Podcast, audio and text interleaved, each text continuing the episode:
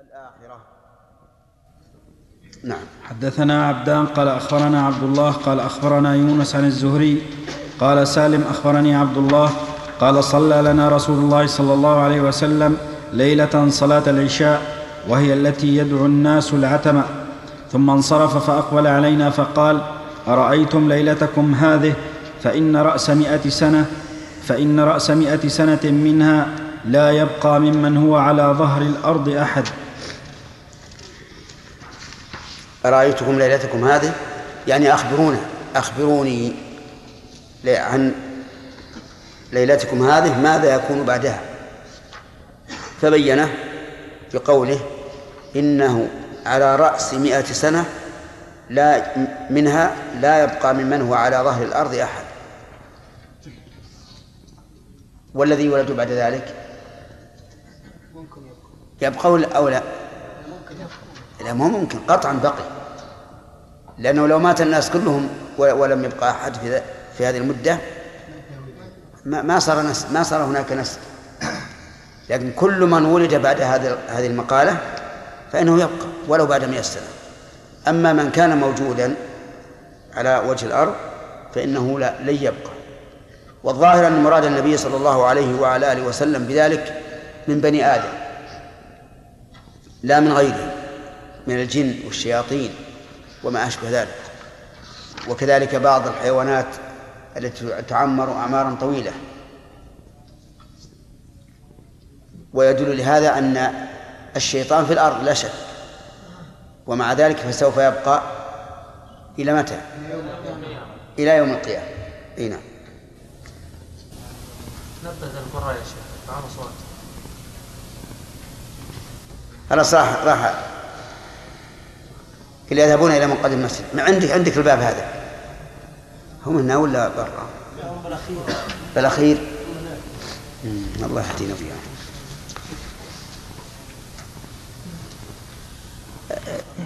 اقرأ شرح الحديث هذا. نعم. مرة ثانية شرح حديث أخير. أرأيت أرأيتم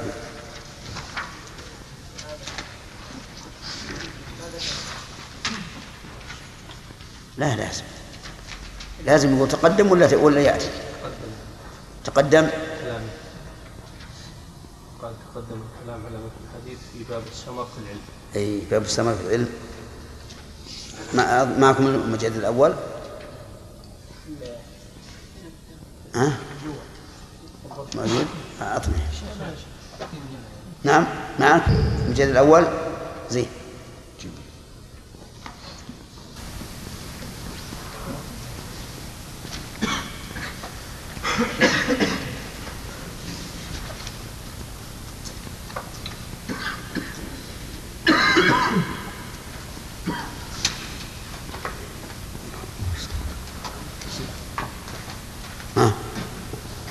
وجدته خذه يا مصطفى. فهس هذا هو هذا هو طالع.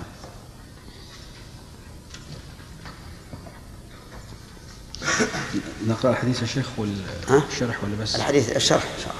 حديث سمعنا.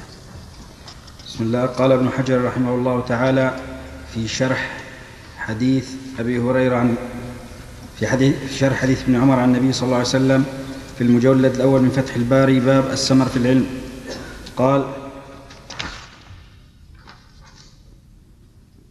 قوله في آخر حياته جاء مقيدا في رواية جابر أن ذلك كان قبل موته صلى الله عليه وسلم بشهر. قوله أرأيتكم؟ هو بفتح المثنى لأنها ضمير المخاطب والكاف ضمير ثان لا محل لها من الإعراب والهمزة الأولى للاستفهام والرؤية بمعنى العلم أو البصر والمعنى أعلمتم أو أبصرتم ليلتكم وهي منصوبة على المفعولية والجواب محذوف تقديره قالوا نعم قال فاضبطوها وترد أرأيتكم للاستخبار كما في قوله تعالى قل أرأيتكم إن أتاكم عذاب الله الآية قال الزمخشري المعنى أخبروني ومتعلق ومتعلق الاستخبار محذوف تقديره من تدعون؟ ثم بكتهم فقال أغير الله تدعون؟ انتهى. وإنما أوردت هذا لأن بعض الناس نقل كلام الزمخشري في الآية إلى هذا الحديث وفيه نظر لأنه جعل التقدير أخبروني ليلتكم هذه فاحفظوها وليس ذلك مطابقا لسياق الآية. قوله فإن رأس وللأصيل فإن على رأس أي عند انتهاء مائه سنة. قوله منها فيه دليل على أن من تكون لابتداء الغاية في الزمان كقول الكوفيين وقد رد, وقد رد ذلك نحاة البصرة وأول ما ورد من شواهده كقوله تعالى من أول يوم أحق أن تقوم فيه وقول أنس ما زلت أحب الدباء من يومئذ وقوله مطرنا من يوم الجمعة إلى الجمعة قوله لا يبقى ممن هو على ظهر الأرض أي الآن موجودا أحد إذ ذاك. وقد ثبت هذا التقدير عند المصنف من رواية شعيب عن الزهري كما سيأتي في الصلاة مع بقية الكلام عليه. قال ابن بطال إنما أراد رسول الله صلى الله عليه وسلم أن هذه المدة تخترم الجيل الذي هم فيه فوعظهم بقصر أعمارهم وأعلمهم أن أعمارهم ليست كأعمار من تقدم من الأمم ليجتهدوا في العبادة. وقال النووي المراد أن كل من كان تلك الليلة على الأرض لا يعيش بعد هذه الليلة. كان تلك الليلة. المراد أن كل من كان تلك الليلة على الأرض لا يعيش بعد هذه الليلة أكثر من مائه سنة سواء قل عمره قبل ذلك أم لا وليس فيه نفي وليس فيه نفي حياة وليس فيه نفي حياة أحد يولد بعد تلك الليلة مائه سنة والله أعلم. خلاص.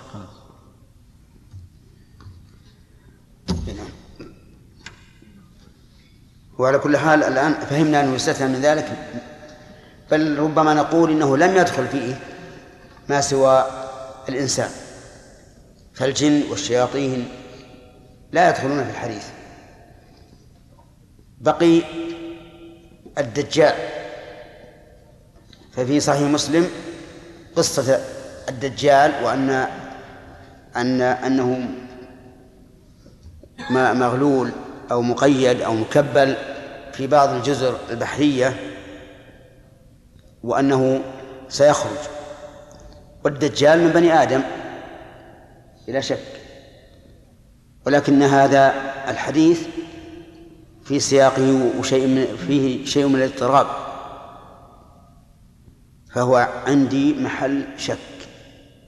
لكن من تبين له صحته سهل عليه أن يجيب على هذا الحديث. فيقول إنه دل دل الدليل على أنه مستثنى ويكون تخصيصا بدليل منفصل. لكن وقوع هذا الحديث وهو في الصحيحين بهذا الحصر لا يبقى أحد. يدل أيضا يوجب توهين الحديث الذي في صحيح مسلم. ولكن من تبين له أنه صحيح فلا بد أن يقول بمقتضاه. ومن شك فيه فلا يكلف الله نفسا إلا وسعها. نعم. الشاهد من هذا الحديث قوله ليلة صلاة العشاء وهي التي يدعو الناس العتمة أي يسمونها العتمة نعم نعم. أي حديث؟ احتج به البخاري ومن قال بقول على موت الخضر والجمهور على خلافه وقال السهيلي عن أبي عمر بن عبد البر قد توارث الأخبار باجتماع الخضر نعم. باجتماع الخضر بسيدنا رسول الله صلى الله عليه وسلم. قد إيش؟ يقول و... وقال السهيلي عن أبي عمر بن عبد البر. قد توارث قد توارث الاخبار توارت ولا تواردت ولا تواترت؟ تواترت. نعم. تواترت أخبار اشتمال خضر بسيدنا رسول الله صلى الله عليه وسلم. وهذا يرد قوله من قال لو كان حيا لاجتمع بنبينا صلى الله عليه وسلم. وأيضا عدم إتيانه إلى نبي صلى الله عليه وسلم ليس مؤثرا في الحياة ولا غيرها. لأننا عهدنا جماعة آمنوا به ولم يروه مع مع الإمكان.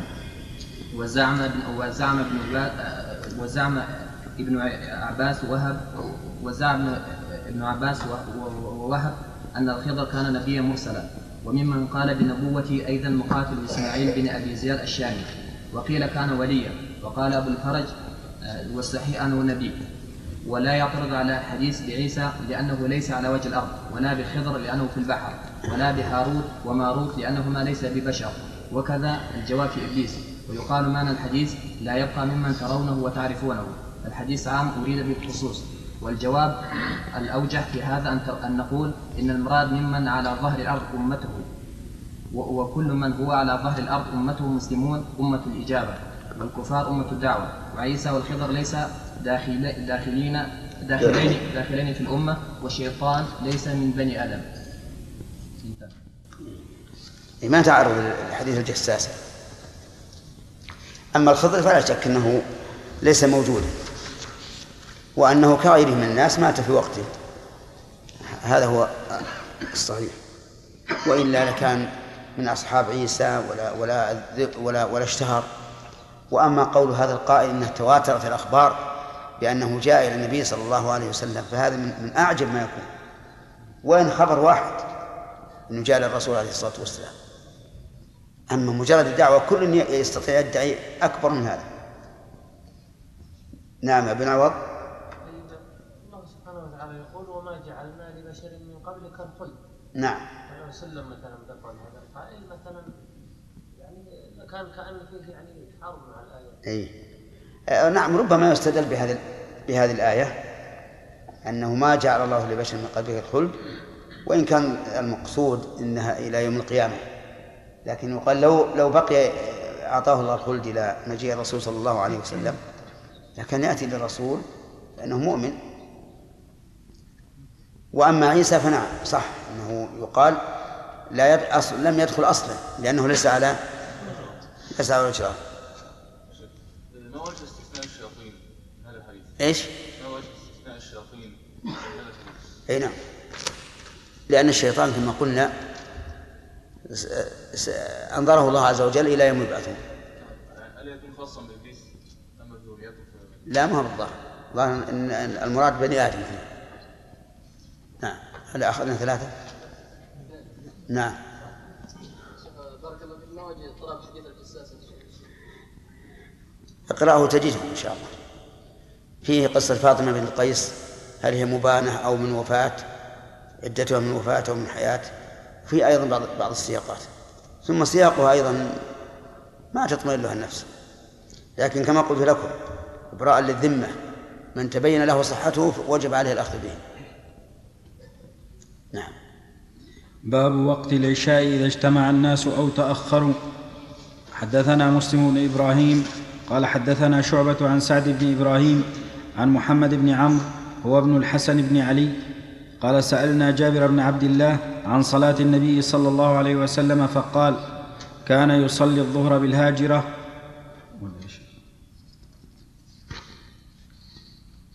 كان يصلي الظهر بالهاجرة والعصر والشمس حية والمغرب إذا وجبت والعشاء إذا كثر الناس والعشاء إذا كثر الناس عجل وإذا قلوا أخر والصبح بغلس. سألوا جابر رضي الله عنه ليس لمجرد العلم النظري ولكنه من أجل العلم العملي يعني الذي يثمر العمل. وهذا هو الواجب على كل مسلم. إذا تبينت له السنة أن يأخذ بها. أما بعض بعض الناس اليوم تجده يبحث ويبحث ويبحث وغاية ما عنده أن يصل إلى معرفة الشيء فقط. والعمل به يكون قليلا. نسأل الله السلامة. وفي هذا الحديث دليل على مراعاة الناس وأنه قد يعرض للفاضل ما يجعله مفضولا. وذلك أن رسول الله صلى الله عليه وعلى آله وسلم يحب أن يؤخر من العشاء. ولكن إذا اجتمع الناس فإنه صلى الله عليه وعلى آله وسلم لا يحب أن يحبسهم بل يقدم. فهل نقول مثل ذلك لو كان الناس الأرفق بهم التأخير لسبب من الأسباب إما مثل أمطار تهطل بشدة في وقت التعجيل أو ما أشبه ذلك. نقول نعم وهذا لأنه ما دام رسول الله صلى الله عليه وسلم يراعي الناس في التعجيل فكذلك تكون مراعاة في التأخير. لكن في أشياء تعرض. لا دائما. أين أنت؟ ارفع يدك يقول عند الثناء على الله عز وجل في دعاء القنوت ماذا يشرع في حق المأمومين؟ وجزاك الله خيرا. الظاهر أنه يشرع التسبيح مثلا سبحانه أو جل وعلا أو ما أشبه ذلك. لم أسمع فيه بشيء لكن هذا مثل حديث حذيفة لا يمر بآية التسبيح إلا سبح. هذا الأخ عبيد الله شيخ. نعم. نقرأ. أي مسلم؟ نعم. طيب. بسم الله الرحمن الرحيم. قال الأخ عبيد الله الحمد لله والصلاة والسلام على رسول الله وآله وصحبه ومن بقدوته مقتدى. أما بعد فهذه بعض كليمات حول حديث حتى يطلع الشاهد.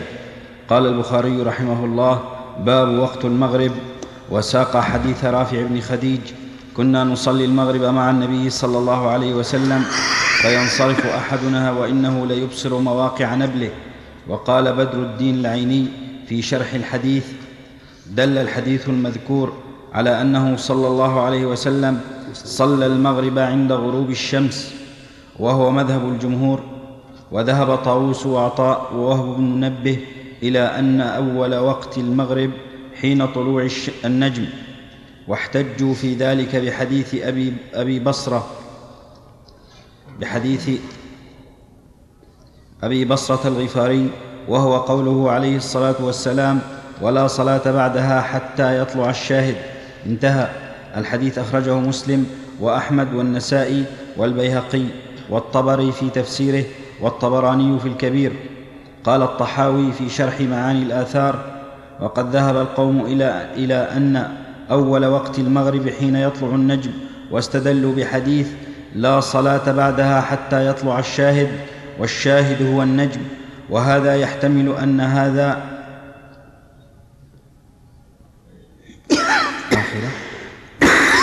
وهذا يحتمل أن هذا آخر قول رسول الله صلى الله عليه وسلم كما ذكره الليث. ويكون الشاهد هو الليل لكن الذي رواه غير الليث تأول أن الشاهد هو النجم. لكن الذي رواه غير الليث تأول أن الشاهد هو النجم فقال ذلك برأيه لا عن النبي صلى الله عليه وسلم. وقد تواترت الآثار عنه صلى الله عليه وسلم أنه كان يصلي المغرب إذا توارت الشمس بالحجاب. ذكر الإمام أحمد عن يحيى بن إسحاق عن ابن لهيعة بعدما ساق الحديث قال قلت لابن لهيعة ما الشاهد؟ قال الكوكب والأعراب يسمون الكوكب شاهد الليل. انتهى. قال أبو عوانة في مسنده الذي قال فيه الذهبي في التذكرة هذا الصحيح المسند المخرج على صحيح مسلم وله فيه زيادات. بيان ثواب من حافظ على صلاة العصر. وأنه لا صلاة بعدها حتى يطلع النجم وما يعارضه من الخبر الدال على أنه صلى الله عليه وسلم صلى بعدها حين غربت الشمس وأن هذا منسوخ. وساق الحديث وقال حدثنا علان بن المغيرة المغير الصومعي. هكذا يا شيخ. ولا المغير زائدة. حدثنا علان بن المغيرة الصر الكسر نعم شيخ. حدثنا حدثنا علان بن المغيرة الصومعي قال حدثنا أبو صالح قال حدثني الليث قال حدثني يزيد بن أبي حبيب عن خير بن نعيم بإسناده. الحديث قال الليث وسمعت هذا الحديث من خير بن نعيم بإسناده.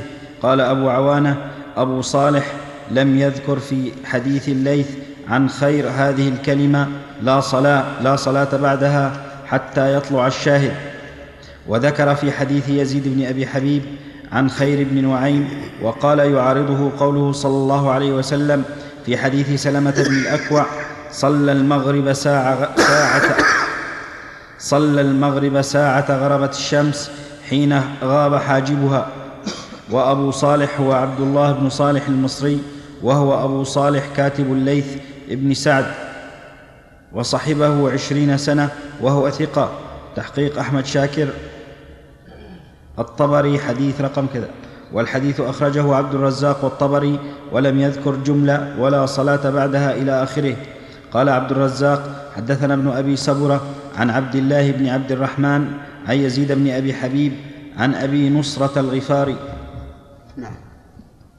بلفظ صلى بنا رسول الله صلى الله عليه وسلم العصر فلما فرغ منها التفت إلينا فقال هذه الصلاة فرضت على من قبلكم فأبوها وثقلت عليهم وفضلت على ما سواها ستة وعشرين درجة. قال أبو سعيد هكذا قال الدبري أبو نصرة بالصاد والنون والصواب أبو بصرة. انتهى. وقال الطبري في تفسيره لقوله تعالى حافظوا على الصلوات والصلاة الوسطى. حدثني علي بن داود قال حدثنا عبد الله بن صالح قال حدثني الليث عن خير بن نعيم عن عبد الله بن هبيرة عن أبي تميم الجيشاني عن أبي بصرة الغفاري وساق الحديث ولم يذكر تلك الجملة ورجاله كلهم ثقات. وكذلك رواه عن طريق أحمد بن محمد عن يعقوب بن إبراهيم عن ابن إسحاق عن يزيد بن أبي حبيب بإسناده وذكرها.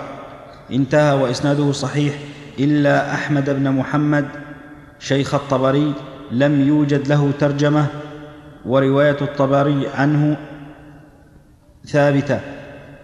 قال الشوكاني في نيل الأوطار قد اختلف العلماء بعد اتفاقهم على أن أول وقت المغرب غروب الشمس في العلامة في العلامة متى يعرف بها الغروب فقيل بسقوط قرص الشمس بكماله وقيل برؤية الكوكب وبه قالت القاسمة. واحتجوا بقوله حتى يطلع الشاهد والشاهد النجم وقيل بل الإظلام. وإليه ذهب زيد بن علي وأبو حنيفة والشافعي وأحمد بن عيسى ويحيى لحديث إذا أقبل الليل من ها هنا وأدبر النهار من ها هنا فقد أفطر الصائم. متفق عليه. وأجاب صاحب البحر عن هذه الأحاديث بأنها مطلقة وحديث يطلع الشاهد. مقيد. ورد بأنه ليس من المطلق والمقيد وغايته أن يكون طلوع الشاهد أحد أحد إمارات غروب الشمس على أنه قد قيل أن قوله والشاهد النجم مدرج فإن صح ذلك لم يبعد أن يكون المراد بالشاهد ظلمة الليل. ويؤيد ذلك حديث السائب بن يزيد عند أحمد والطبراني مرفوعا لا تزال أمتي على الفطرة ما صلوا المغرب قبل طلوع النجم. وحديث أبي أيوب بادروا بصلاة المغرب قبل طلوع النجم. وحديث رافع وأنس وهو كنا نصلي المغرب حتى يرى أحدنا موقع نبله مختصرا. انتهى. قال النسائي باب تأخير المغرب ثم ساق الحديث. قال الشيخ أبو الحسن السندي في حاشيته على النسائي حتى يطلع الشاهد وهو كناية عن غروب الشمس لأن بغروبها يظهر الشاهد. والمصنف حمله على تأخير المغرب هذا. والمصنف حمله على تأخير المغرب هذا بعيد لأن غاية الأمر لا هو هذا. نعم. على تأخير المغرب هو هذا بعيد لأن غاية الأمر جواز التأخير لا وجوبه. انتهى والخلاصة أن كل من روى عن الليث أثبتها إلا أبا صالح وهذه الرواية عند الطبري وكذا وكل من روى عن يزيد بن أبي حبيب عن يزيد بن أبي حبيب إلا عند عبد الرزاق كما مر. وأيضا أحمد عند يحيى بن إسحاق عن ابن لهيعة ثابتة في المسند. انتهى.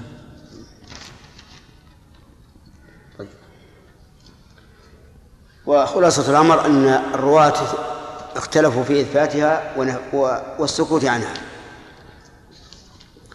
وعلى تقدير صحة ثبوتها يمكن أن يراد بقوله حتى يطلع الشاهد أي حتى يأتي وقت طلوع الشاهد وهو الليل. لأن الليل هو وقت طلوع الكواكب كما قال تعالى وجعلنا الليل والنهار آيتين فمحونا آية الليل. وهذا الحمل ليس ببعيد كما حمله بعض العلماء على غروب الشمس لأن غروب الشمس يطلع به الشاهد. والتقييد أيضا بالشاهد في النفس منه شيء لأن بعض النجوم تتبين قبل الغروب بربع ساعة وأكثر وبعض النجوم تختفي ولا تبين إلا بعد الغروب بربع ساعة وأكثر فالشاهد أنه إن كانت اللفظة محفوظة فالمراد بذلك دخول الليل لأنه الوقت الذي يطلع به الشاهد. وقد ذكرنا لكم سابقا أنه إذا جاءت نصوص مشتبهة ونصوص محكمة فإنه يجب أن نحمل المشتبه على المحكم. وهناك نصوص محكمة بأن الرسول صلى الله عليه وعلى آله وسلم يصلي المغرب إذا غاب حاجب الشمس. يعني أنه إذا غابت الشمس صلى المغرب. نعم. طيب يا شيخ القول بالشذوذ أن هذه رواية شاذة ما نعم. يتفق مع أصول مصطلح الحديث؟ بس اللي أث- أثبتها أكثر. إلا أن تكون شاذة بالنسبة للأحاديث الأخرى لكن ما دام يمكن الحمل على معنى ليس ببعيد فإن مراد وقت طلوع الشاهد يعني وقت طلوعه وهو الليل. بسم الله الرحمن الرحيم. قال البخاري رحمه الله تعالى باب فضل العشاء. البخاري نعم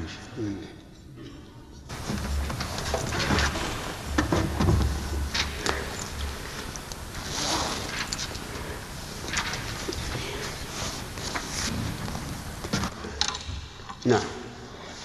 حدثنا يحيى بن بكير قال حدثنا الليث عن عقيل عن ابن شهاب عن عروة أن عائشة أخبرت قالت أعتم رسول الله صلى الله عليه وسلم ليلة بالعشاء وذلك قبل أن يفشو الإسلام فلم يخرج حتى قال عمر نام النساء والصبيان فخرج فقال لأهل المسجد ما ينتظرها أحد من أهل الأرض غيركم.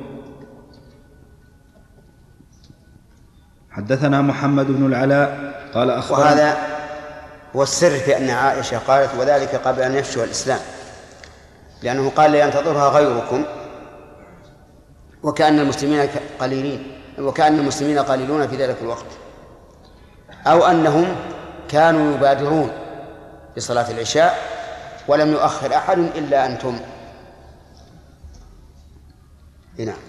حدثنا محمد بن العلاء قال أخبرنا أبو أسامة عن بريد عن أبي بردة عن أبي موسى أنه قال كنت أنا وأصحابي الذين قدموا معي في السفينة نزولا في بقيع بطحان والنبي صلى الله عليه وسلم بالمدينة فكان يتناوب النبي صلى الله عليه وسلم عند صلاة العشاء كل ليلة نفر منهم فوافقنا النبي صلى الله عليه وسلم أنا وأصحابي وله بعض الشغل في بعض أمره فأعتم بالصلاة حتى بهار الليل ثم خرج النبي صلى الله عليه وسلم فصلى بهم فلما قضى صلاته قال لمن حضره على رسلكم أبشروا إن من نعمة الله عليكم أنه ليس أحد من الناس يصلي هذه الساعة غيركم أو قال ما صلى هذه الساعة أحد غيركم؟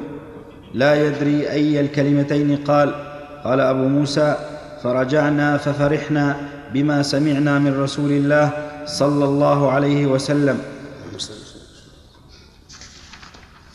في هذا دليل على أن الأفضل تأخير صلاة العشاء وفيه دليل على أن من نعمة الله أن من من نعم الله على الإنسان أن يمن الله عليه بموافقة الشرع.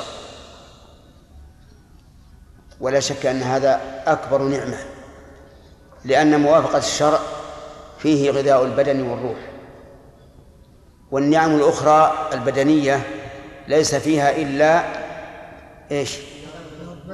غذاء البدن فقط ثم قد يكون خيرا للإنسان وقد يكون شرا فإن من عباد الله من لو أغناه الله لأفسده الغنى ومنهم من لو أفقره لأفسده الفقر. وفي هذا دليل على فرح الإنسان بنعمة الله عليه ولا سيما في الأمور الدينية سواء كانت هذه الأمور الدينية من العبادات أو من العلوم النافعة أو غير هذا نعم. باب ما يكره من النوم قبل العشاء. حدثنا محمد بن سلام قال أخبرنا عبد الوهاب الثقفي قال حدثنا خالد الحداء عن أبي المنهال عن أبي برزة أن رسول الله صلى الله عليه وسلم كان يكره النوم قبل العشاء والحديث بعدها. كراهة النوم قبلها لأن لأن الإنسان إذا نام فإما أن يستغرق في النوم فلا يقوم وإما أن يقطع نومه فيكون في ذلك الغلق والقلق. لأن كثيرا من الناس إذا قام قبل أن يشبع من النوم صار معه غلق وقلق وربما أرق أيضا. فلهذا كان النبي صلى الله عليه وعلى آله وسلم يكره النوم قبلها قبل العشاء. وكذلك يكره الحديث بعدها. الحديث يعني تحدث الناس بعضهم إلى بعض تحدث الناس بعضهم إلى بعض. إلا أن العلماء استثنوا حديث الإنسان مع أهله وحديثه مع ضيفه فإنه لا بأس بذلك لأن الحديث مع الأهل فيه مصلحة عظيمة وهي ائتلاف الأسرة وإدخال السرور عليها وإعطاء وإعطاء النفوس حريتها في في مثل هذا الحديث. وأما الضيف فلحقه فلو نزل فلو نزل بك ضيف بعد صلاة العشاء فلا بد من الحديث إليه ولا بد من إكرامه وهذا من إكرامه أيضا. واستثنوا أيضا آه، مسائل العلم السهر في مسائل العلم والمناقشة فيها. واستدلوا لذلك بفعل أبي هريرة رضي الله عنه فإنه كان يسهر في ليله من أجل حفظ أحاديث رسول الله صلى الله عليه وعلى آله وسلم. وربما يقال أيضا يزاد في هذا أمر رابع وهو ما إذا كان الحديث في مصالح المسلمين. مثل أن يجتمع رؤساء الدوائر مثلا لشغل ما ينفع البلد وما أشبه ذلك فهذا أيضا يستثنى من من, كراهة الحديث بعد العشاء. والمهم أن الرسول صلى الله عليه وعلى آله وسلم كان يكره الحديث بعد بعد العشاء. ووجه ذلك أنه إذا تحدث تأخر في النوم. وإذا تأخر في النوم فربما يفوته صلاة آخر الليل أو يفوته ما هو أعظم صلاة الفجر في وقتها أو مع الجماعة. وقد ذكر الأطباء أن النوم في أول الليل أفضل من الناحية الصحية فيفوت هذا الفضل. لكن لو كان هناك سبب مصلحة عامة أو خاصة لا بد منها فلا بأس. نعم. النعمة الصحابة الصلاة إي نعم. انتظار الصلاة خير ونعمة. لأن الإنسان لا يزال في صلاة ما انتظر الصلاة. نعم كان هناك مشارك لهم في بلد من نعم لو كان لهم هناك جماعة يشاركونهم في الانتظار نعم؟ لا ما تنتهي تكون نعمة على الاثنين. لكن عائشة كما سمعت أول تقول أنه لم يفشل الإسلام بعد. نعم نعم. شراب. أيام الشتاء يكون الليل طويلا. نعم. وربما تكون الإنسان مصالح ليست يعني بملحة أو بضرورية. هل نقول مثلا لمن جلس يقضيها؟ يقضيها نقول أنه وقع في أمر مكروه. لا ما نقول هذا لأن هذه مصلحة. وكما ذكرت أن طول الليل في النهار في الشتاء يفوت عليه عملا كثيرا في النهار. ثم إن هذه الكراهة هل هي كراهة شرعية؟ أو كراهة كما يكره أكل الضب وكما يكره البصل وما أشبه ذلك؟ في احتمال. لكن الفقهاء حملوها على أنها كراهة شرعية وقال يكره إلا إذا كان هناك حاجة أو مصلحة. نعم. نعم. لو قد تكون على غير التحريم لأن هنا في فيه نصوص تدل على أنها ليست حراما لأن الرسول يتحدث في أشياء ما هي ضرورة. والحرام لا تبيحه إلا الضرورة. نعم. باب النوم قبل العشاء لمن غلب. حدثنا أيوب بن سليمان قال حدثني أبو بكر عن سليمان قال صالح بن كيسان أخبرني ابن شهاب عن عروة أن عائشة قالت أعتم رسول الله صلى الله عليه وسلم بالعشاء حتى ناداه عمر الصلاة. الصلاة نام النساء والصبيان فخرج فقال ما ينتظرها أحد من أهل الأرض غيركم؟ قال ولا يصلي يومئذ إلا بالمدينة. صلى. ولا يصلي, ولا يصلى يومئذ إلا بالمدينة. وكانوا يصلون فيما بين أن يغيب الشفق إلى ثلث الليل الأول. طيب ثلث الليل الأول وثلث الليل الأوسط وثلث الليل الآخر. وجه ذلك آه، للترجمة واضح. حيث قال نام النساء والصبيان. وهل المراد النساء والصبيان الذين في المسجد أو الذين في البيوت؟ نعم يحتمل معنيه يحتمل الذين في المسجد إذا كانوا حاضرين. ويحتمل أنهم الذين في البيوت يعني رقدوا قبل أن يرجع إليهم أولياؤهم. وما دام يحتمل معنيين وهو صالح لهما فهو يحمل على هذا وهذا. يعني رقد النساء والصبيان الحاضرون والنساء والصبيان الذين في البيوت. وقوله ولا يصلي يومئذ إلا بالمدينة هذا كالتبيين لحديث عائشة السابق وذلك قبل إيش؟ أن يفشو الإسلام. نعم. شيخ أليس غريبا هذا؟ أي. الذين آمنوا خارج المدينة يا شيخ. كيف؟ كثير من الناس أسلموا. كانوا خارج المدينة في البوادي والقرى. نعم. كيف يصلون العشاء؟ لعله قبل أن ينتشر انتشار كامل. ولا معلوم أن أهل أهل مكة أيضا أهل مكة يصلون. أو أن مراده ولا يصلى يومئذ في هذا الوقت إلا بالمدينة. شوف كلام من حجر عليها.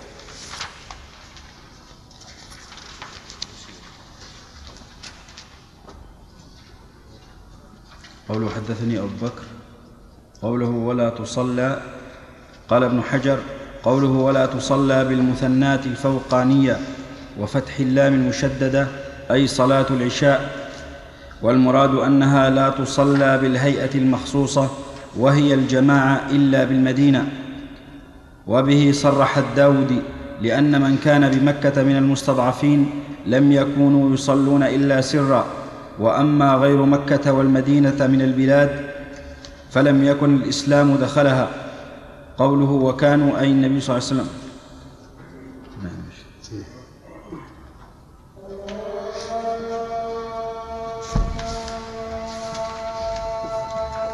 أتعقبه؟ قوله وكانوا أي النبي صلى الله عليه وسلم وأصحابه. وفي هذا بيان الوقت المختار لصلاة العشاء لما يشعر به السياق من من المواظبة على ذلك. وقد ورد بصيغة الأمر في هذا الحديث عند النسائي من رواية إبراهيم بن أبي عب- عبلة عن الزهري ولفظه ثم قال صلوها فيما صلوها يا شيخ. نعم. صلوها فيما بين أن يغيب الشفق إلى ثلث الليل وليس بين هذا وبين قوله في حديث أنس أن إنه أخر الصلاة إلى نصف الليل معارضة لأن حديث عائشة محمول على الأغلب من عادته صلى الله عليه وسلم. أحسنت. أو يحمل على أن المراد إلى نصف الليل آخر الوقت. والثلث الوقت المختار. وهذا هو الظاهر. لأن حديث عبد الله بن عمرو بن العاص صلاة العشاء إلى نصف الليل. يدل على هذا. وأن ما بين الثلث إلى النصف وهو السدس هذا هو وقت الصلاة وقت صلاة العشاء المختار. ولو قدم فلا حرج. نعم. الشمس والتوقيت الشمس أيهما المقدم؟ يقدم الشمس. يعني مثلا إذا غابت الشمس والتوقيت ما بعد ما كتب أنها غابت فيعمل بأنها غابت. والعكس بالعكس. لو كان التوقيت على أنها غابت ونحن ونحن نشاهدها. الحكم للشمس لا شك. لا في الإفطار ولا في صلاة المغرب. استكمالا لسؤالي يا شيخ إذا كانت المدينة فوق جبال كالطائف ونحوه نعم. فهم لا يفطرون آه، إلا بعد الذين هم تحتهم الذين هم تحتهم في أسفل الجبل إلا بنصف ساعة. نصف ساعة. ليس بصحيح وكلامك صحيح في غير هذا. إلا ما لا يصح منه بعد خلينا نستثني. جدة جدة هل ينزل شيء؟ واحد اي نعم أنزل شيء وما يكون بينهم من الساعة. ومكة أيضا ما بينه وبين الط- الطائف إلا خمس دقائق. نعم؟ أقل بعد؟ طيب. سليم روافض ما في المدينة يقولون ما ما حضرتهم لكن يقولون ما ما يفطرون لأن تمشي للسن النجوم الا إيش؟ الرافض اي اللي في المدينة نعم ما يفطرون الا ان تمشي للسن النجوم الله يزيدهم من الجوع خليهم يجوعون يعطشون ولا كان ولا كان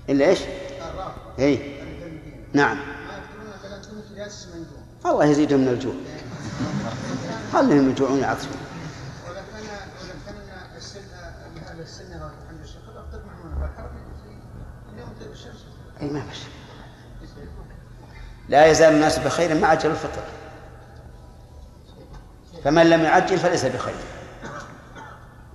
نعم شيخ إذا قلنا عند ال- الحكم الشمس الذي مثلا يركب في الطائرة عند أن تطلع الطائرة مثلا وقت الأذان يعني أثناء أثناء الأذان ثم ترتفع. بعد بعد أن غاب بعد أن غابت. أي نعم. وهو إلى الآن ما أفطر كان ينتظر الأذان فعند الأذان أقلعت الطائرة فارتفعت ورأى الشمس. أي نعم. فله أن يأكل. ولو شاهد الشمس. ولو إذا- إذا غربت الشمس فقد أفطر الصائم. وهذا الرجل غربت الشمس وهو في الأرض. أما لو لو أقلع قبل الغروب خمس دقائق مثلا. ثم لما ارتفعت بقي يشاهد الشمس إلى نصف ساعة فهو لا يفطر. لأنه لم يحل لم يحل وقت الإفطار وهو وهو في الأرض. انتهى الوقت؟ فافتح.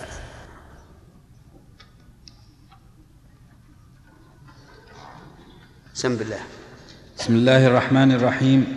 الحمد لله رب العالمين وصلى الله وسلم على نبينا محمد وعلى آله وصحبه. قال البخاري رحمه الله تعالى في صحيحه حدثنا محمود قال أخبرنا عبد الرزاق قال أخبرني ابن جريج قال أخبرني نافع قال حدثنا عبد الله بن عمر أن رسول الله صلى الله عليه وسلم شغل عنها ليلة فأخرها حتى رقدنا في المسجد ثم استيقظنا ثم رقدنا ثم استيقظنا ثم خرج علينا النبي صلى الله عليه وسلم ثم قال ليس أحد من أهل الأرض ينتظر الصلاة غيركم وكان ابن عمر لا يبالي أقدمها أم أخرها إذا كان لا يخشى أن يغلبه النوم عن وقتها وكان يرقد قبلها قال ابن جريج قلت, قلت لعطاء وقال سمعت ابن عباس يقول أعتم رسول الله صلى الله عليه وسلم ليلة بالعشاء حتى رقد الناس واستيقظوا ورقدوا واستيقظوا فقام عمر بن الخطاب فقال الصلاة. قال عطاء قال ابن عباس فخرج نبي الله صلى الله عليه وسلم كأني أنظر إليه كأني أنظر إليه الآن يقطر رأسه ماء واضعا يده على رأسه فقال لولا أن أشق على أمتي لأمرتهم أن يصلوها هكذا. فاستثبت عطاء. كيف وضع النبي صلى الله عليه وسلم يده على رأسه كما أنبأه ابن عباس فبدد, فبدد لي عطاء بين أصابعه شيئا من تبديد ثم وضع أطراف أصابعه على قرن الرأس ثم ضمها يمرها كذلك على الرأس حتى مست إبهامه طرف الأذن مما يلي الوجه على الصدر وناحية اللحية لا يقصر ولا يبطش. إلا كذلك وقال لولا أن أشق على أمتي لأمرتهم أن يصلوا هكذا. اللهم صل وسلم في هذا الحديث عدة فوائد أصولية وفقهية. فمن ذلك أن بعض أهل العلم استدل بهذا الحديث على أن النوم لا ينقض لا ينقض الوضوء. لقوله است- رقدنا ثم استيقظنا ثم رقدنا ثم استيقظنا. والرقاد النوم. وظاهر الحال أنهم لم. لم يتوضأوا. فاستدل بعض العلماء بذلك على أن النوم ليس بناقض مطلقا. وكذلك في حديث أنس أنهم ينتظرون صلاة العشاء حتى تخفق رؤوسهم ثم يصلون ولا يتوضؤون. ولكن المسألة فيها خلاف طويل. يبلغ ثمانية أقوال. وأقرب الأقوال عندي أن من نام حتى لا يحس بنفسه انتقض وضوءه. ومن نام وهو يحس بنفسه لو أحدث فإن وضوءه لا ينتقض. حتى لو رقد حتى لو اضطجع. لأن العبرة بالعقل. متى كان يعقل؟ لو أحدث فإنه لا ينتقض وضوءه ومتى كان لا يعقل إذا أحدث؟ انتقض وضوءه ومنها فضل تأخير صلاة العشاء. لقوله ليس أحد من أهل الأرض ينتظر الصلاة غير الصلاة غيركم. ومنها أنه إذا كان ينبغي إذا كان يخشى أن يغلبه النوم فإن الأفضل أن يقدمها ومنها وهي من من الأصول أنه قد يعرض للمفضول ما يجعله أفضل من الفاضل. فالفاضل هنا تأخير صلاة العشاء. والمفضول تقديمها. لكن إذا خشي الإنسان على نفسه النعاس وأن ينام ولا يقوم فإنه يقدمها. وهذه قاعدة مضطردة عند أهل العلم أنه قد يعرض للمفضول ما يجعله أفضل. ومن ذلك أفعال الرسول عليه الصلاة والسلام. كان يأمر ويحث على اتباع الجنائز مثلا ثم تمر به الجنازة وهو في قومه يحدثهم ولا يقوم معه. لأنه يعرض للمفضول ما يجعله أفضل فقد يكون بقاؤه مع قومه يحدثهم وينفعهم خيرا من أن يتبع الجنازة. ومن ذلك أن قوما أتوا إليه فألهوه أو شغلوه عن راتبة الظهر فقضاها بعد العصر. فالمهم أن هذه القاعدة قاعدة نافعة أنه قد يعرض للمفضول ما يجعله أفضل من الفاضل. ومنها أنه لا بأس أن ينبه الإمام على تأخيره الصلاة لأن عمر نبه النبي صلى الله عليه وعلى آله وسلم على ذلك ولم يعنفه ولم يقل أنا أبخس وأعلم. بل خرج عليه الصلاة والسلام وصلى بأصحابه. ومنها شفقة النبي صلى الله عليه وعلى آله وسلم على أمته ورحمته بهم لقوله لولا أن أشق على أمتي لأمرته. ومنها أن النبي صلى الله عليه وعلى آله وسلم يستر الأحكام بدون وحي. يستر الأحكام بدون وحي. بقول لأمرتهم ولم يقل لأمرني ربي أن آمره. بل قال لأمرتهم وهو وهو كذلك.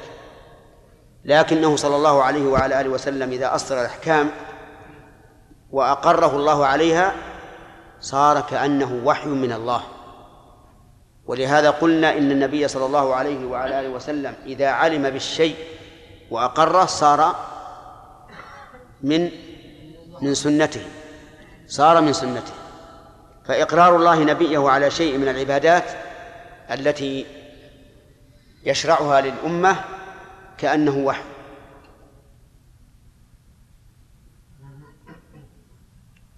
ومن هنا نعلم أن قول الله تبارك وتعالى إن هو إلا وحي يوحى ليس المراد به ما قاله الرسول عليه الصلاة والسلام من عند نفسه وإنما المراد به القرآن. كما اختار ذلك إمام المفسرين ابن جرير رحمه الله. فيكون قوله وما ينطق عن الهوى إن هو إلا وحي يوحى يعني أن الرسول لا ينطق عن الهوى ولكنه ينطق بما أوحي إليه عليه الصلاة والسلام. إن هو إلا وحي يوحى علمه شديد القوى إلى آخره. ومنها وهي فائدة أصولية أن الأصل في الأمر الوجوب. لقوله لولا أن أشق لأمرتهم. ولو لم يكن الأصل في الأمر الوجوب لما كان لما كان به مشقة. ووجه ذلك أن ما لا يلزم به الإنسان ليس عليه فيه مشقة لأنه إن شاء فعله وإن شاء لم يفعله. وهذا أحد الأدلة الدالة على أن الأصل في الأمر الوجوب يعني أعني أمر الله ورسوله. ولل وللعلماء في ذلك مذاهب منها أن الأصل في الأمر الاستحباب دون الوجوب. قالوا لأنه إذا أمر به تعينت مشروعيته. والأصل براءة الذمة وعدم التأثيم بالترك. وكم من أوامر كثيرة أجمع العلماء على أنها ليست للوجوب. ومنهم من قال بل الأصل في الأمر الوجوب. لأدلة منها هذا الحديث وأمثاله ومنها قوله تعالى فليحذر الذين يخالفون عن أمره أن تصيبهم فتنة أو يصيبهم عذاب أليم. ومنهم من فصل وقال إن كان من من العبادات فالأصل الوجوب لأن كل ما أمر به الرسول صلى الله عليه وسلم من العبادات فهو كالتفصيل لمجمل قوله تعالى وما خلقت الجن والإنس إلا ليعبدون وما كان من باب الآداب وما كان من باب الآداب فإنه للاستحباب لأن غايته أن يراد من من الفاعل فعل ما يجمله ويزينه واجتناب ما يدنسه ويشينه وهذا يتعلق بالمروءة. وهذا كله ما لم يوجد قرائن تدل على أنه للوجوب أو أنه للاستحباب. فإن وجدت قرائن تدل على أنه للوجوب كان للوجوب ولا إشكال أو على أنه للاستحباب كان للاستحباب ولا إشكال لكن كلام الخلاف فيما إذا جاء الأمر مجردا عن قرينة. ومن القرائن أن يكون المراد به بيان صفة. كما مر علينا في في الصلاة على النبي صلى الله عليه وعلى آله وسلم هل تجب في الصلاة أو لا تجب؟ وقلنا إن العلماء في للعلماء في ذلك كم قولا؟ ثلاثة أقوال. والذين قالوا بعدم الوجوب قالوا لأن الرسول عليه الصلاة والسلام إنما سئل عن الكيفية لا عن أصل الصلاة. قالوا كيف نصلي؟ قال قولوا كذا وكذا. فالمهم أنه إذا وجدت قرينة عمل بالقرينة والكلام فيما إذا لم يوجد إذا لم يوجد قرينة. ومنها أنه لا لا حياء فيما أبيح للعبد. فإن خروج الرسول صلى الله عليه وسلم رأسه يقطر يغلب على الظن أنه كان عن عن جماع. ولا حرج على الإنسان أن يخرج إلى أصحابه وهو وعليه أثر الغسل من الجنابة لأن هذا أمر مباح. والشيء الذي أباحه الله لا حرج فيه. لكن هل تقولون إنه يستحب إذا كان عليه جنابة أن يخرج وعليه أثر الجنابة حتى يحث أخوانه على أن يفعلوا مثله. لأن هذا الفعل صدقة. قال النبي عليه الصلاة والسلام وفي بضع أحدكم صدقة. قالوا أيأتي أحدنا شهوته ويكون له في أجر؟ قال نعم أرأيتم لو وضعها في الحرام أكان عليه وزر؟ فإذا وضعها في الحلال كان له أجر. هذا محل نظر. طيب. ومن فوائد الحديث حرص السلف الصالح على معرفة أحوال الرسول عليه الصلاة والسلام حتى غير التعبدية. وجهه منين يؤخذ؟ نعم. لا. استثبت عطاء ابن عباس كيف وضع النبي صلى الله عليه وعلى آله وسلم يده على رأسه. فمن يستطيع منكم أن يبين لنا أن يبين لنا هذه الكيفية. انظروا. ابن داود. اخلع اخلع الشماغ نشوف الشعر. ما عندك شعر اليوم؟ إيش؟ ها. إن الله لا يستحي من الحق. تستحي من العلم. علم لا ما حلك راس لا لا لا في خير في خير. انسحبت؟ انسحبت؟ طيب من؟ يلا حجوب الله أعلم شيخ وضعها رأسه حتى ينزل ينزل الماء. لكن كيفية الكيفية. كذا ها؟ كذا؟ ها. حتى ينزل الماء يعني بالناصية نشوف الآن. يقول وضع أطراف أصابع على قرن الرأس. أين قرن الرأس؟ هذا. هذا قرن الرأس. نعم. طيب. ثم ضمها يمرها كذلك على الرأس. حتى مست إبهامه طرف الأذن مما يلي الوجه. كذا هذا الظاهر بهكذا يعني مر بها من من عند الجوارب وضعها على فوق كذا هكذا ثم أمرها. نعم. يقول وضع يده في النسخة يديه. ما عندكم في نسخة يديه؟ طيب نشوف. يده أربعة. كذا.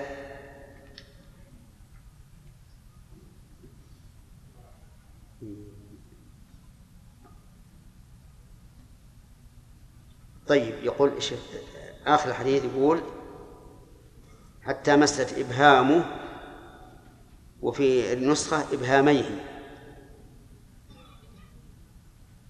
إذا كان إبهاميه معناها أنها كل اليدين طيب في الشرح ما جاب شيء؟ حتى مست لا من أول. نعم. قال, قال ابن حجر قوله حدثنا محمود قوله شغل عنها ليلة فأخرها. هذا التأخير مغاير للتأخير المذكور في حديث جابر وغيره. المقيد بتأخير المقيد بتأخير إجماع المصلين. وسياقه يشعر بأن ذلك لم يكن من عادته. قوله حتى رقدنا في المسجد استدل به من ذهب إلى أن النوم لا ينقض الوضوء ولا دلالة فيه لاحتمال أن يكون الراقد منهم كان قاعدا متمكنا أو لاحتمال أن يكون مضطجعا لكنه توضأ وإن لم ينقل. ينقل. وإن لم ينقل. اكتفاء بما عرف من أنهم لا يصلون على غير وضوء. قوله وكان أي ابن عمر يرقد قبلها أي قبل. شرحنا ابن عباس. طيب. قوله ابن جريج. قوله فقال عمر فق فقام عمر فقال الصلاة. من هنا شيخ. نعم. زاد في التمني رقد النساء والصبيان وهو مطابق لحديث عائشة الماضي. قوله واضعا يده على رأسه كذا للأكثر وللكشميهني على رأسي. أنا على رأسي. نعم. وهو وهم لما ذكر لما ذكر بعده لما ذكر بعده من هيئة عصره صلى الله عليه وسلم شعره من الماء وكأنه كان اغتسل قبل أن يخرج. قوله فاستثبت هو مقول ابن هو مقول ابن جريج. وعطاء هو ابن أبي رباح. ووهم من زعم أنه ابن يسار. قوله فبدد أي فرق وقرن, الرأ وقرن الرأس جانبه قوله ثم ضمها كذا له بالضاد المعجمة والميم ولمسلم وصبها بالمهملة والموحدة. هكذا يا شيخ. وصوبه عياض قال لأنه يصف عصر الماء من الشعر باليد. قلت ورواية البخاري موجهة لأن ضم اليد صف لأن ضم اليد صفة للعاصر قوله حتى مست إبهامه كذا بالإفراد للكشميهني ولغيره إبهاميه وهو منصوب بالمفعولية وفاعله طرف الأذن وعلى هذا فهو مرفوع وعلى الرواية الأولى طرف منصوب وفاعله إبهامه وهو مرفوع ويؤيد رواية الأكثر رواية حجاج عن ابن جريج عند النسائي وأبي نعيم. حتى مست إبهاماه طرف الأذن. قوله لا يقصر ولا يبطش أي لا يبطئ ولا يستعجل ويقصر ويقصر بالقاف ويقصر يقصر. ويقصر بالقاف للأكثر ووقع عند المش الكشميهني لا يعصر بالعين والأولى أصوب. قوله لأمرتهم أن يصلوها كذا بين ذلك في كتاب التمني عند المصنف من روايات سفيان بن عيينة عن ابن جريج وغيره في هذا الحديث وقال إنه للوقت لولا أن أشق على أمتي. إنه لا الوقت إنه للوقت لولا أن أشق على أمتي. فائدة وقع في الطبراني من طريق طاووس عن ابن عباس في هذا الحديث بمعناه قال وذهب الناس إلى عثمان بن مضعون في ستة عشر رجلا فخرج النبي صلى الله عليه وسلم فقال ما صلى هذه الصلاة أمة قبلكم. أحسنت. لكن الشيخ النبي عليه الصلاة والسلام أليس على رأسه عمامة؟ إمامة؟ نعم لأنه الشيخ وضع أطرافها قد قد لا يكون تلك الساعة ليس عليه إمامة. لكن الشيخ لأن الغالب أنه الإنسان ما يلبس العمامة ورأسه يقطر لكن هذه الصفة. نعم. قد تغلب وضع العمامة كيف؟ لأن أطراف الأصابع نعم. على القرن هنا. فوق العمامة قد تكون موجودة. على كل حال الله أعلم. الله أعلم. نعم عبد الوهاب. ما هو الشيخ من هذا الحديث ان الرسول عليه الصلاة والسلام صلى حاصرا بلا يعني قضيه وإمامة. إيش؟ ظاهر من الحديث. إيه. إنه صلى عليه الصلاة والسلام لا هو ما صلى خرج حسن الرأس. أما ك- كونه يصلي لأنها قد تكون العمامة معه ويلبسها بعد. سؤال يا شيخ.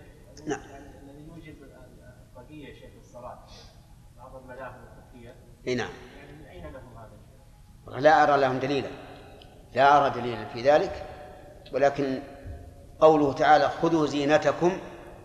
يقتضي أنه إذا كان في- بلد من عادتهم أن يستر الرؤوس بالطواقي أو الغتار أو العمايم أن يفعل لأنه من كمال الزينة من تمام الزينة نعم. المراد الخلف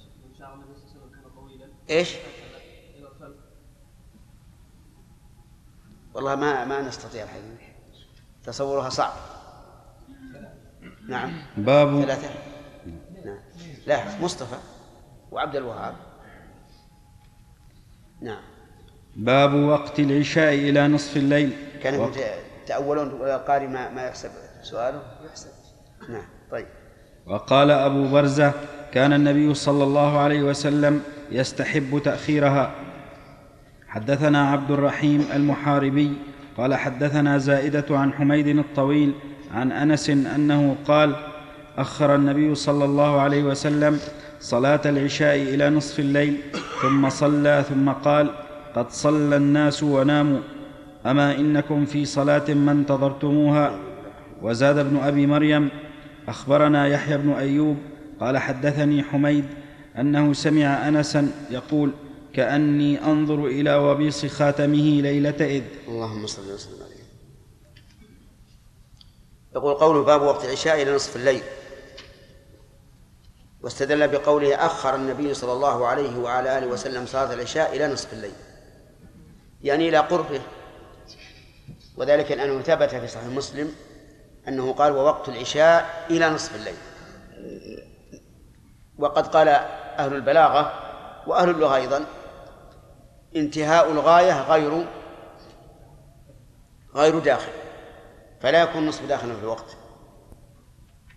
ولهذا جزم البخاري رحمه الله بأن وقت العشاء إلى نصف الليل. وهذا هو الذي يدل عليه ظاهر القرآن. أنه ين... أي أنه أي وقت العشاء ينتهي بنصف الليل. فيدل عليه ظاهر القرآن وصريح السنة. أما ظاهر القرآن فقوله تعالى أقم الصلاة لدلوك الشمس إلى غسق الليل. هذه أر... هذه أربعة أوقات متصل بعضها ببعض. لدلوك الشمس أي عند دلوك الشمس أو أن نجعل اللام للتعليل فيكون فيه بيان أن الوقت سبب للصلاة. وقد قال قال العلماء إن الوقت سبب وشرط. لدلوك الشمس يعني زوالها. إلى غسق الليل. وغسق الليل منتهى ظلمته ويكون ذلك في نصفه لأن منتصف الليل أبعد ما تكون الشمس عن سطح الأرض. إذن من نصف النهار إلى نصف الليل. أربعة أوقات متوالية. إذا خرج وقت الظهر دخل وقت العصر وإذا خرج وقت العصر دخل وقت المغرب. وإذا دخل وقت المغرب دخل وإذا خرج وقت المغرب دخل وقت العشاء وينتهي بنصف الليل. ثم قال تعالى وقرآن الفجر. ففصل فصل الفجر عما عما سبق. أما السنة فهي صريحة في ذلك.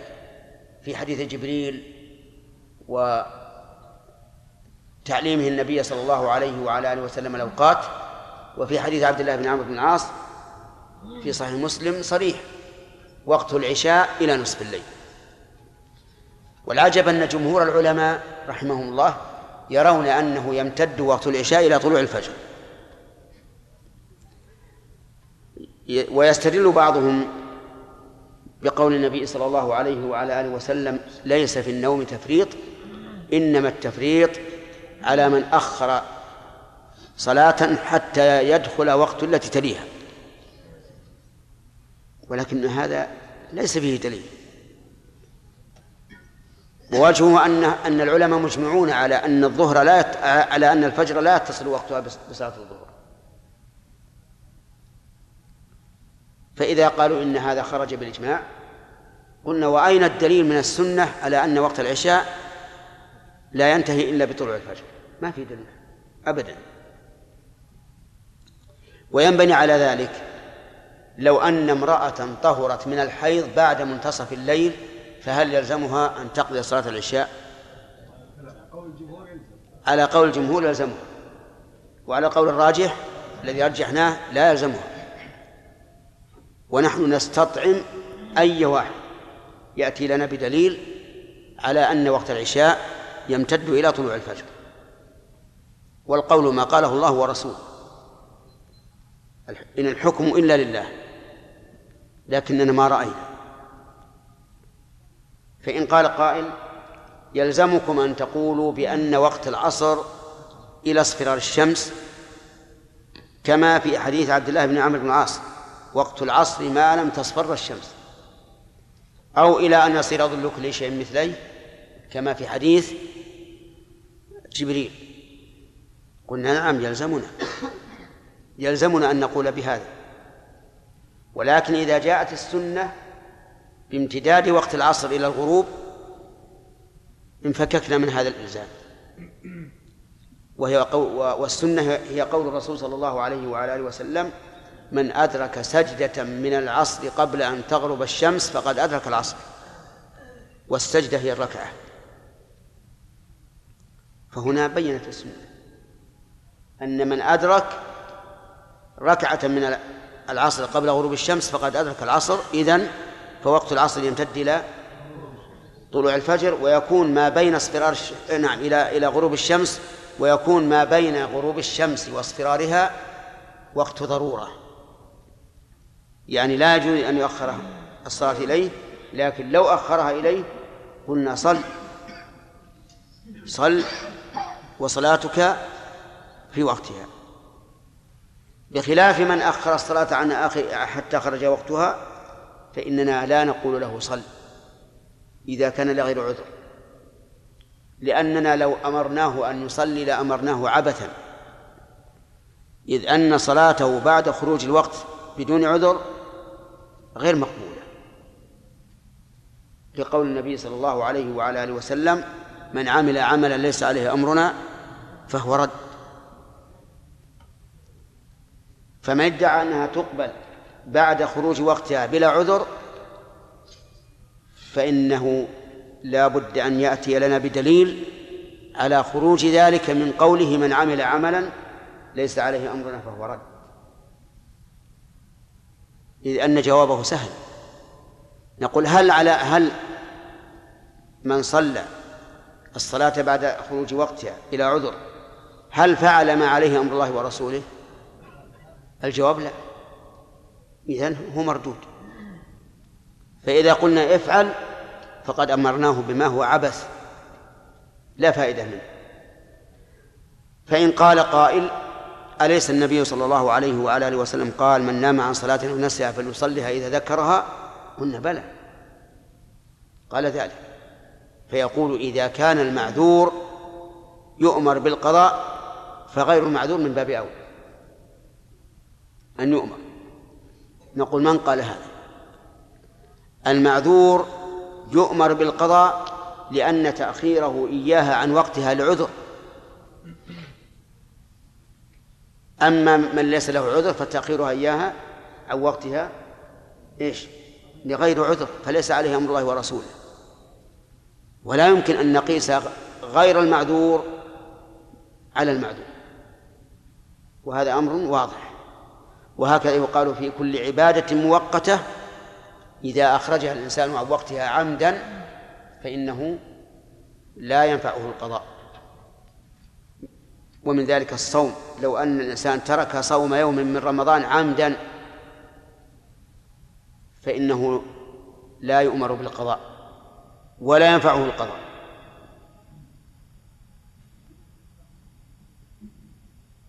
الخلاصة أن القول الراجح أن وقت العشاء ينتهي بإيش؟ بنصف الليل. طيب. لو أنها طهرت أي المرأة الحائض قبل منتصف الليل بربع ساعة. تلزمها العشاء؟ نعم. لأنها تدرك ركعة. ولكن هل تلزمها المغرب؟ في هذا خلاف والقول الراجح أنها لا تلزمها المغرب. وكذلك لو لو طهرت قبل غروب الشمس فإن القول الراجح أنه لا يلزمها إلا صلاة العصر. لأن الأولى لم تطالب بها حيث أتت عليها وهي فيها المانع. ولقول الرسول من أدرك ركعة من العصر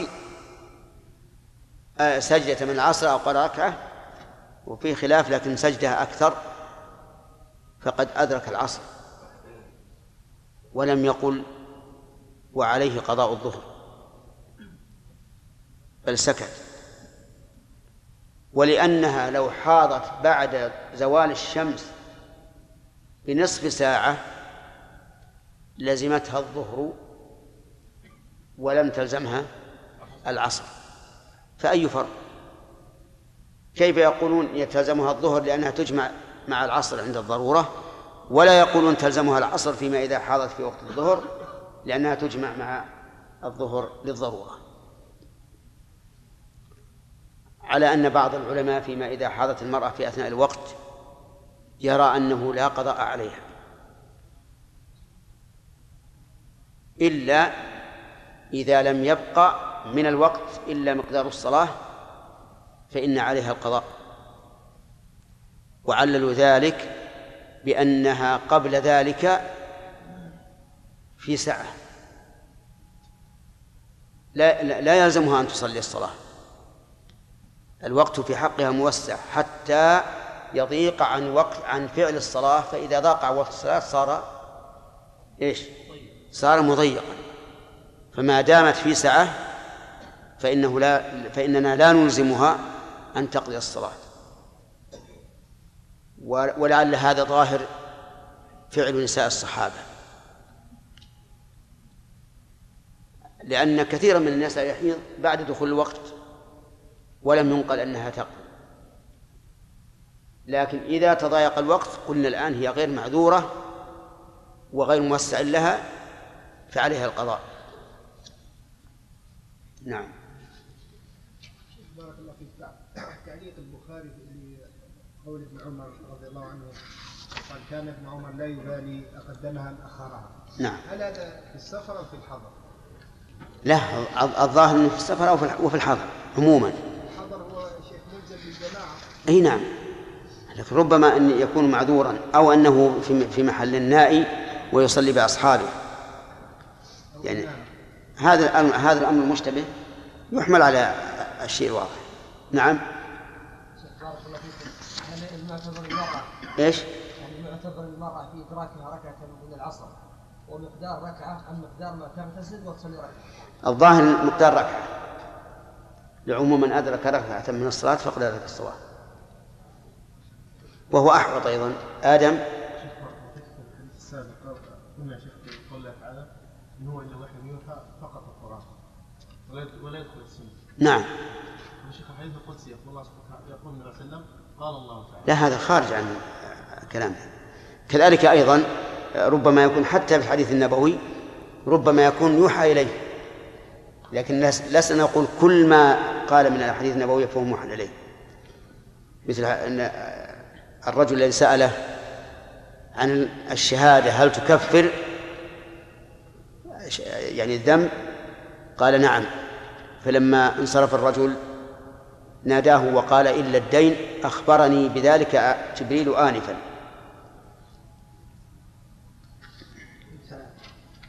بعدين محمد. يا آدم. نعم. باب فضل صلاة الفجر. حدثنا مسدد قال حدثنا يحيى عن إسماعيل قال حدثنا قيس قال لي جرير بن عبد الله كنا عند النبي صلى الله عليه وسلم إذ نظر إلى القمر ليلة, ليلة البدر فقال أما إنكم سترون ربكم كما ترون هذا لا تضامون أو لا تضامون لا تضامون في رؤيته فإن استطعتم ألا تغلبوا على صلاة قبل طلوع الشمس لا تضامون أو أو لا تضامون في رؤيته. لا أو لا تضاهون هذا عندي.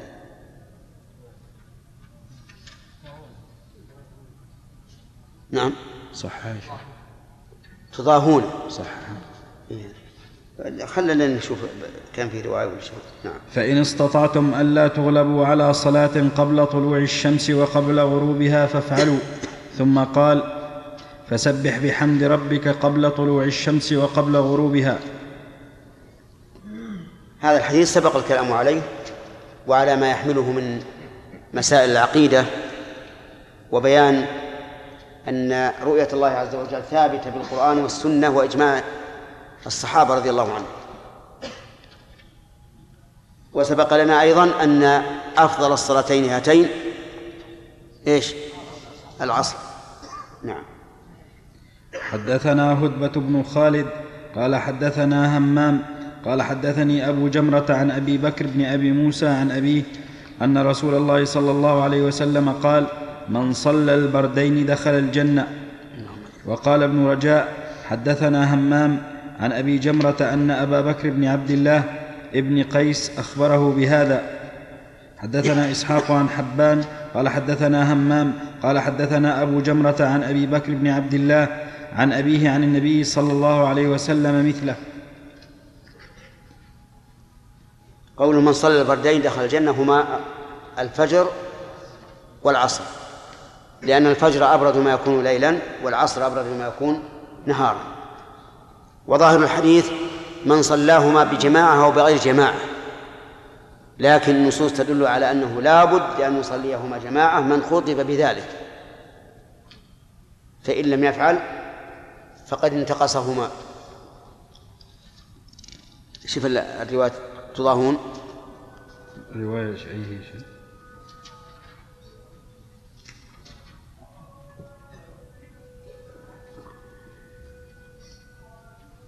قول صلى البردين ها؟ أي رواية شيخ؟ باب فضل صلاة الفجر. ها؟ من الأول؟ لا لا بس قول لا تضاهون.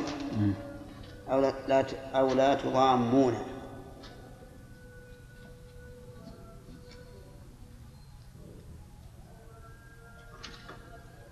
يعني فيها ألفاظ متعددة. ما في شيء. خمسة ألفاظ فيها نعم.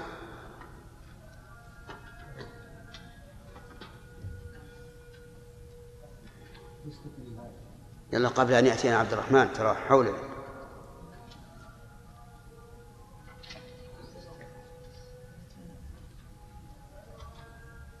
ما في شيء. ما ذكر شيء؟ ذكره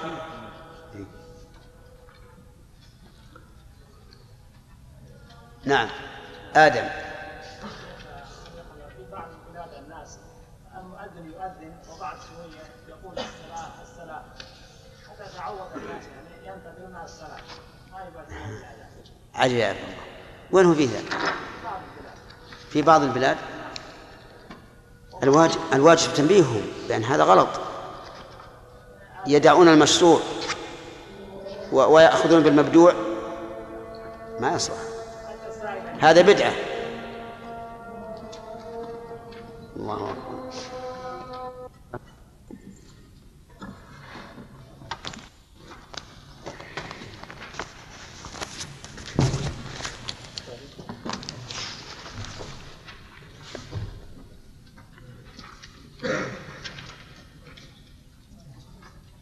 نعم سم. بسم الله الرحمن الرحيم. الحمد لله رب العالمين وصلى الله وسلم على نبينا محمد وعلى آله وصحبه أجمعين. قال البخاري رحمه الله تعالى باب وقت الفجر. حدثنا عمرو بن عاصم قال حدثنا همام عن قتادة عن أنس أن زيد بن ثابت حدثه أنهم تسحروا مع رسول الله صلى الله أنهم تسحروا مع النبي صلى الله عليه وسلم ثم قاموا إلى الصلاة. قلت كم بينهما؟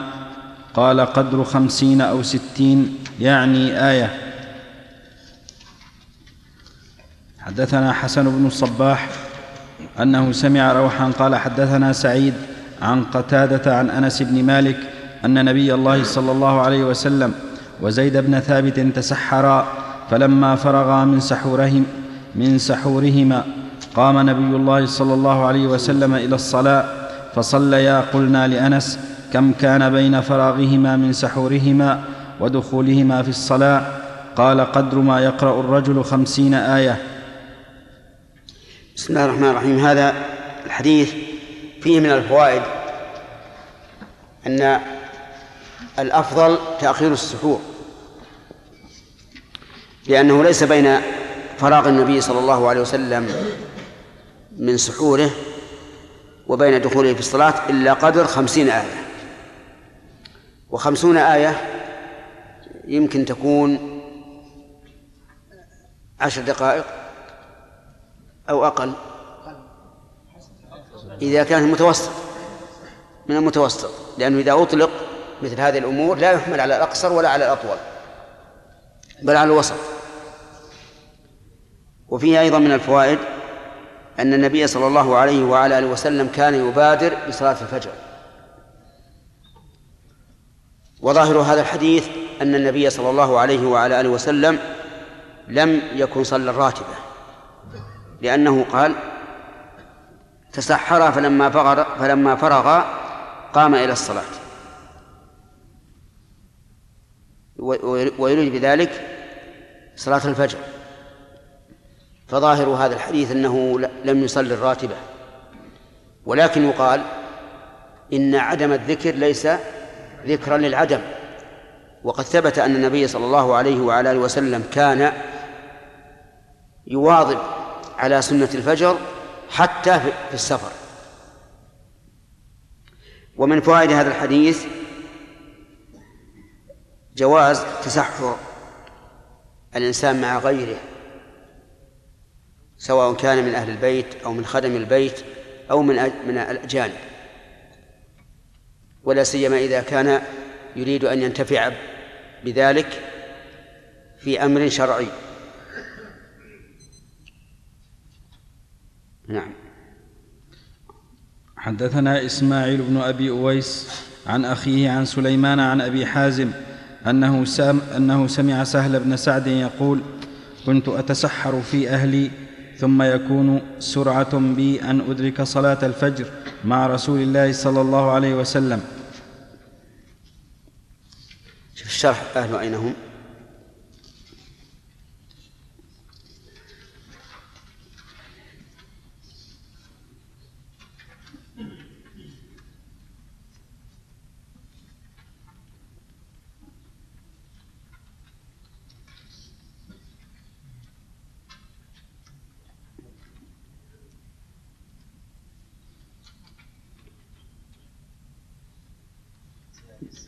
نعم. في الصيام؟ العيني أين أهل سهل؟ نعم.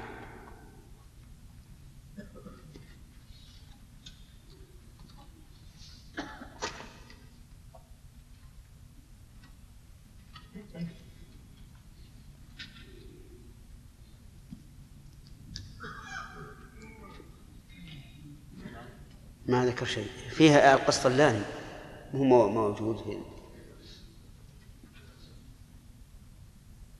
موجود في الأسواق. أي ها؟ إيه لأنه هو اللي يتكلم على الحديث بدون حالة نعم. على كل حال هو قال في أهلي وهو يخاطب ناسا يعرفون أين حيه ويعرفون المسافة بين حيه وبين صلاة الفجر.